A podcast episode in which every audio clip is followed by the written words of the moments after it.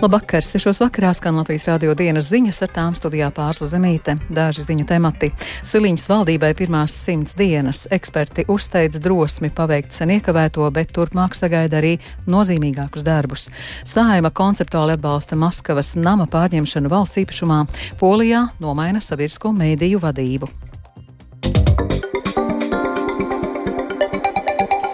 Šajā nedēļas nogalē apritēs simt dienas kopš darba sākus jaunā valdība ministru prezidents Seviks Siliņš no jaunās vienotības vadībā. Šajā laikā izstrādāts budžets, paveikti daudzi citi darbi, taču bijušas arī atsevišķas aizšķiršanās, kā piemēram Siliņas partijas biedra ārlietu ministra Krišāņa Kariņa privāto lidmašīnu skandāls. Kā pirmajās simt dienās strādāja Seviks Siliņas valdība, ko no paveiktā jau var secināt un kādi ir svarīgākie uzdevumi nākotnē, par to plašāk Agnija Lazdiņa. Valdības vadītāja Evika Siliņa no jaunās vienotības ir paudusi, ka lepojas ar valdības komandu un ir liels gandarījums par to, ka ministru kabinets pirmās simt dienas mērtiecīgā komandas darbā paveicis jaunās valdības noteiktos neatliekamos uzdevumus. Tostarp ir vienošanās arī par galvenajiem uzdevumiem nākamajā gadā. Arī valsts prezidents Edgars Rinkēvičs ir norādījis, ka izvirzīt konkrētus darbus un mērķus, ko sasniegt līdz gada beigām, ir laba prakse. Tāpat viņš pozitīvi vērtē, ka ir pieņemts 2024. gada valsts budžets, valdība spējusi vienoties par pagaidu atbalsta pasākumiem elektrības tarifu pieaugumam un drīzumā tiks pabeigts darbs pie Baltkrievijas robežas žoga izbūves. Biedrības sabiedrība par atklātību Delna vadītāja Inese Tauriņa uzsver, ka nākamā gada valsts budžetā izvirzītās prioritātes esot atbilstošas šī brīža situācijai un ka drošība, Latvijas ekonomikas stiprināšana, izglītība un veselības aprūpe esot vērsta uz cilvēku. Mēs jau varam gudrus plānus sarakstīt. Tam jautājums, vai konkrētās iestādes, ministrijas, ierēģi vispār spēj to īstenot. Nākamais ir valdības rīcības plāns, un tad vai tiešām tur būs atbildīgie konkrēti termiņi, konkrēti darbi, kas tad palīdzēs to visu īstenot un tiešām tās ieceras izpildīt. Man liekas, ka ļoti svarīgi ir, ka sen jau iekavētie darbi izdarīti. Šai valdībai ir bijusi drosme un spēja saorganizēties un pieņemt. Mēs jau zinām Stambuls konvenciju, partnerattiecību regulējums, un tad skatāmies tālāk tiešām uz priekšu par to, ka jā, valdība savā deklarācijā deklarācijā ir minējusi, ka tiesību sargājošo iestāžu stiprināšana, korupcijas mazināšana mazliet tur parādās. Nu, tāpēc gaidām arī tālāko darbu sarakstu, ko tad valdība būs apņēmusies konkrēti īstenot. Savukārt politologs un Latvijas Universitātes sociālo zinātņu fakultātes dekāns Jānis Ikstens stāsta, ka Siliņas valdībai ir izdevies pieņemt dažus likumprojektus, kas ir neviennozīmīgi vērtēti sabiedrībā. Protams, ir eh, pieņemts budžets, bet, nu, diez vai tur ir īpašs pamats ar kaut ko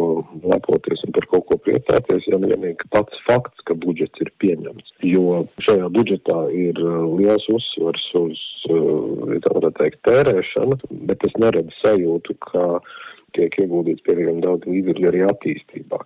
Agnija Lazdiņa, Latvijas radio. Maskavas namu Rīgā Marijas ielā septiņi pārņems valsts un šo ēku izmantos palīdzības sniegšanai Ukrainai. Tāpēc neilgām debatēm konceptuāli lēma saimnes deputāti. Neparedzot lielus labojumus, likuma galīgajā lasīmā paredzēts pieņemt janvārī.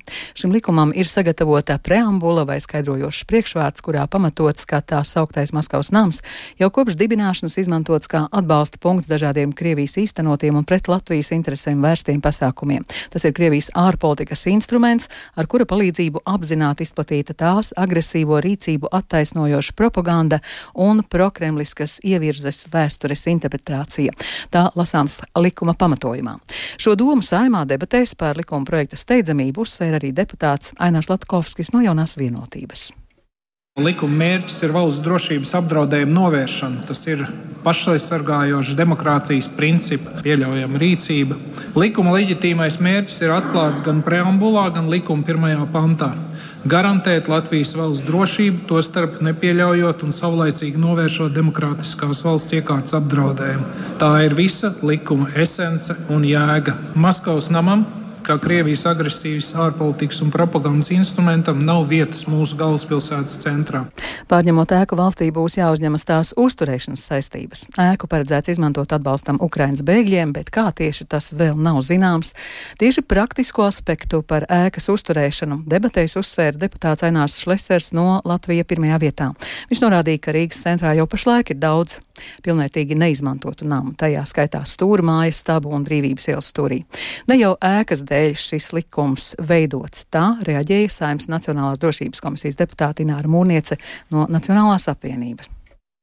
Ja mēs gribam vērsties pret darbībām, kas ir bijušas konkrētajā ēkā, tad vajadzētu vērsties pret cilvēkiem, nevis pret ēku. Ja mēs uzskatām, ka šajā ēkā notiek kaut kas valstī nepieņemams, nu tad vienkārši uzliek arestu ēkai, nevis nacionalizē un uzliek policistu. Šī ēka ir šobrīd faktiski kā centrs, kur darbojas konkrētas kustības, kas ir vērstas pret Latvijas demokrātisko iekārtu. Un eh, zinu, ka Nacionālā drošības komisija par šo jautājumu ir debatējusi daudz dziļāk, un ne visi aspekti šeit ir stāstāmi no tribīnas. Pēc debatēm balsojumā pirmajā lasījumā par bija 73 deputāti pret stabilitātei frakcija, bet Latvija pirmajā vietā un vēl daži deputāti balsojumā nepiedalījās. Rīgas, centra, uh, Rīgas atbalsta centrs Ukrainas iedzīvotājiem no janvāra atradīsies nevis vecrīgā, bet Juglā, Pāles ielā 9. Iemesls pārcelšanai no paša Rīgas centra uz Juglu skaidro Ukraiņu centra vadītājs Pēters Grūbe valsts apmaksā izdevumus. Un, teiksim, ēku un, un tādas lietas līdz šim apmaksāja. Protams, mums vienmēr ir grūti ar to gājis. Nepārāk raiti tas ir bijis. Un tagad ir arvien grūtāk. Līdz ar to arī attiecīgi esam spiesti domāt, kur un kā. Un plus ir, ir otrā lieta, ka tūlīt būs divi gadi kopš kara sākuma. Tad pirmā krīzes palīdzība varbūt vairs nav nepieciešama. Mums ir bijis šī arī jāpārskata, ko un kā mēs palīdzam. Un tā kā mēs vairāk sākam šobrīd iziet arī uz izglītību, tieši uz valodas mācībām, uz sociālo-ekonomisko iekļaušanu un tādām lietām, nu, kamatielā, nu, viņi to teorētiski pieļāva, bet tur tomēr bija ļoti šauri. Rīgas Austrumu Kliniskajā universitātes slimnīcā nogādāti vēl 13 smagi ievainoti ukraiņu karavīri. Pusotra gada laikā Latvijā kopumā ārstēti ap 200 karavīru. Pēc veselības stāvokļa izvērtēšanas daži no ievainotajiem turpinās atvesļoties Nacionālajā rehabilitācijas centrā Vaivari, bet citi paliks Austrumu slimnīcā. Un plašāk par ievainojumu raksturu un ārstēšanās ilgumu Zāne Sēniņas reportāžā.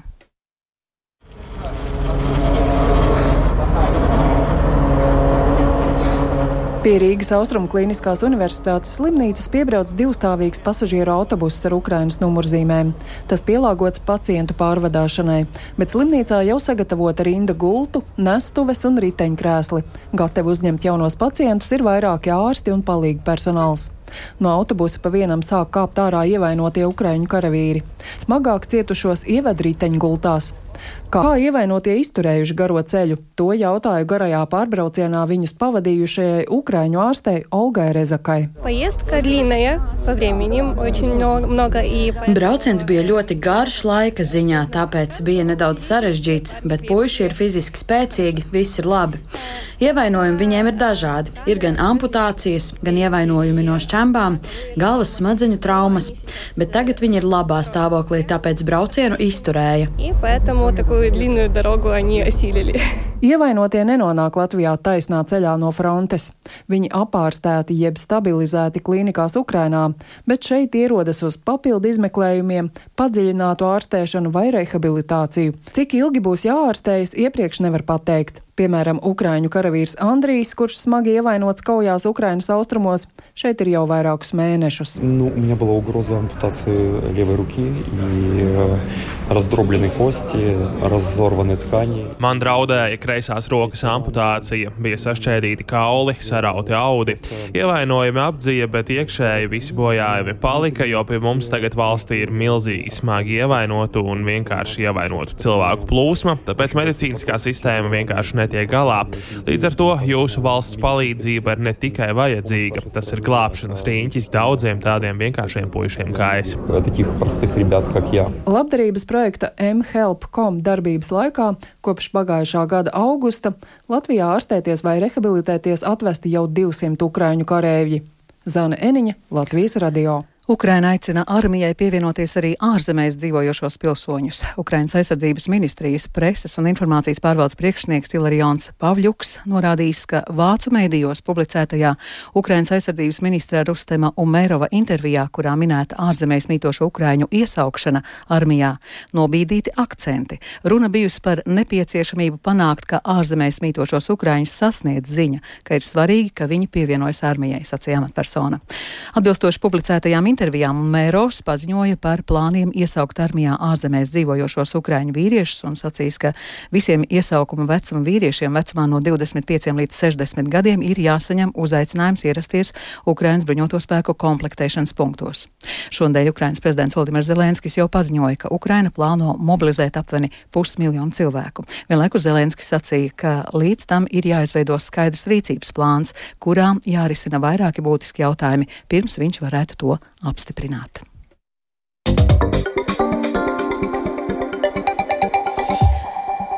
Bruņots vīrietis sarīkojas apšaudi Čehijas galvaspilsētas Prāgas centrā. Aculiecinieki vēsta, ka apšaude notikusi Kārļa Universitātes filozofijas fakultātes ēkā. Uzbrukumā ir nogalinātie un ievainotie. Čehijas varas iestādes informē, ka uzbrukumā nogalināti 11 cilvēki, ieskaitot pašu šāvēju. 9 cilvēki ir nopietni ievainoti, 5 līdz 6 ir vidēji smagi ievainojumi, bet 10 cilvēki ir viegli ievainoti. Prāgas neatliekamās medicīniskās palīdzības dienests informē, ka uz notikumu vietu nosūtīts liels skaits mediķu ieradušies arī tiesu medicīnas eksperti. Šobrīd tā ir visa pieejamā informācija. Polijas premjera Donalda Tuska vadītā valdība ir pavadījusi amatā tikai aptuveni nedēļu un jau ir paspējusi atlaist daudzas sev nevēlamās amatpersonas. Tostarp ir nomainīta četru izlūkdienestu, kā arī korupcijas apkarošanas iestādes vadība. Tomēr viss skaļāko rezonanci ir izraisījusi Polijas televīzijas, Polijas radio un Polijas preses aģentūras vadības atlaišana. Kādēļ trešdienas vakarā televīzijā pat netika pārraidītas vakara ziņas. Mūsu Briseles korespondents Atjoms Konohovs ir ieskatījies tajā, kā jaunā polijas valdība ievieš solītās pārmaiņas.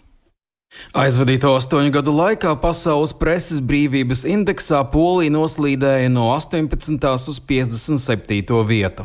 Lielā mērā to veicināja līdz aizvadītajai nedēļai pie varas esošās partijas likums un taisnīgums īstenotā politika. Pat viens no vadošajiem polijas televīzijas žurnālistiem Marcins Volskis vēl oktobrī atzina, ka televīzija pirms vēlēšanām ir veidojusi lielāku propagandu nekā komunisma laikos, lai palīdzētu toreiz valdošajai partijai noturēties pie varas. Bet tas nenostrādāja. Tādēļ jaunās Donalda Tuska valdības kultūras ministrs atcēla no amata polijas televīzijas, radio un preses aģentūras vadību, kā arī to uzraugošās padomes. Tas noveda pie viena televīzijas kanāla darbības pārtraukšanas. Tuska partijas biedrs no pilsoniskās platformas un parlamenta deputāts Adrians Vičeks uzskata, ka tas ir bijis pamatoti. Tās ir ārkārtīgi labas ziņas. Polijas televīzija ir pārstājusi raidīt, ir pārstājusi izplatīt propagandu un naidu. Mēs varam skaidri pateikt, mēs nevis pārņemam Polijas televīziju, bet gan to atjaunojam. Mēs to atdodam poļiem. Tieši to mēs solījām 15. oktobra vēlēšanās. 15. Tomēr atlaistie vadītāji un arī iepriekšējai varai lojālie žurnālisti kritizē pārmaiņas, sakot, ka notiek uzbrukums mēdīju brīvībai. Kritiķu vidū ir arī kanāla TVP info atlaistais vadītājs Samuels Pereira.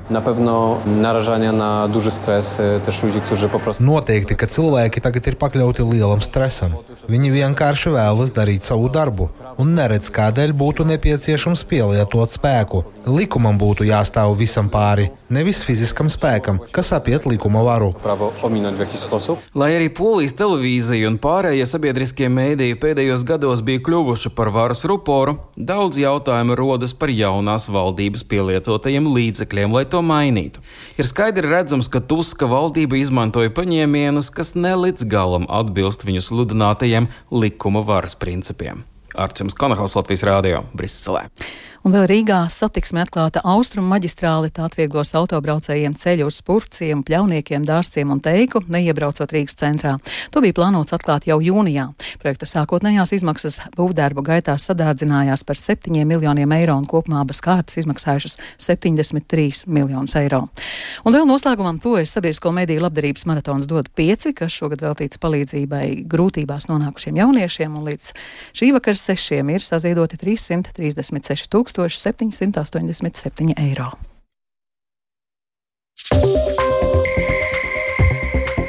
Ar to izskan Latvijas rādio dienas ziņas producents Edgars Kupčs, ierakstus montēja Renāša Steimans, par labskaņu rūpējās Mārtiņš Paeglis, ar jums runāja Pārsla Zemīte. Rīgā 2 grādi, dienvidu vējš 5 m2, gaisa spiediens 737 mm, gaisa relatīvais mitrums 94%. Kāds laiks gaidāms turpmāk, prognozēs sinoptiķe Ilze Golubeva. Piektdien laiks būs lielākoties mākoņains un nokrišņiem bagāts. Ja rietumos slīs, tad citviet gaidāms slapjš sniegs un sniegs.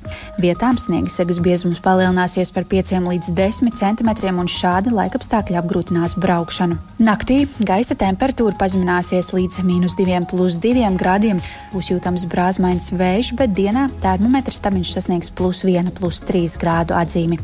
Tojoties svētkiem, nedēļas izskaņā gaisa temperatūra turpinās pazemināties un bieži sagaidīsim nokrišņus.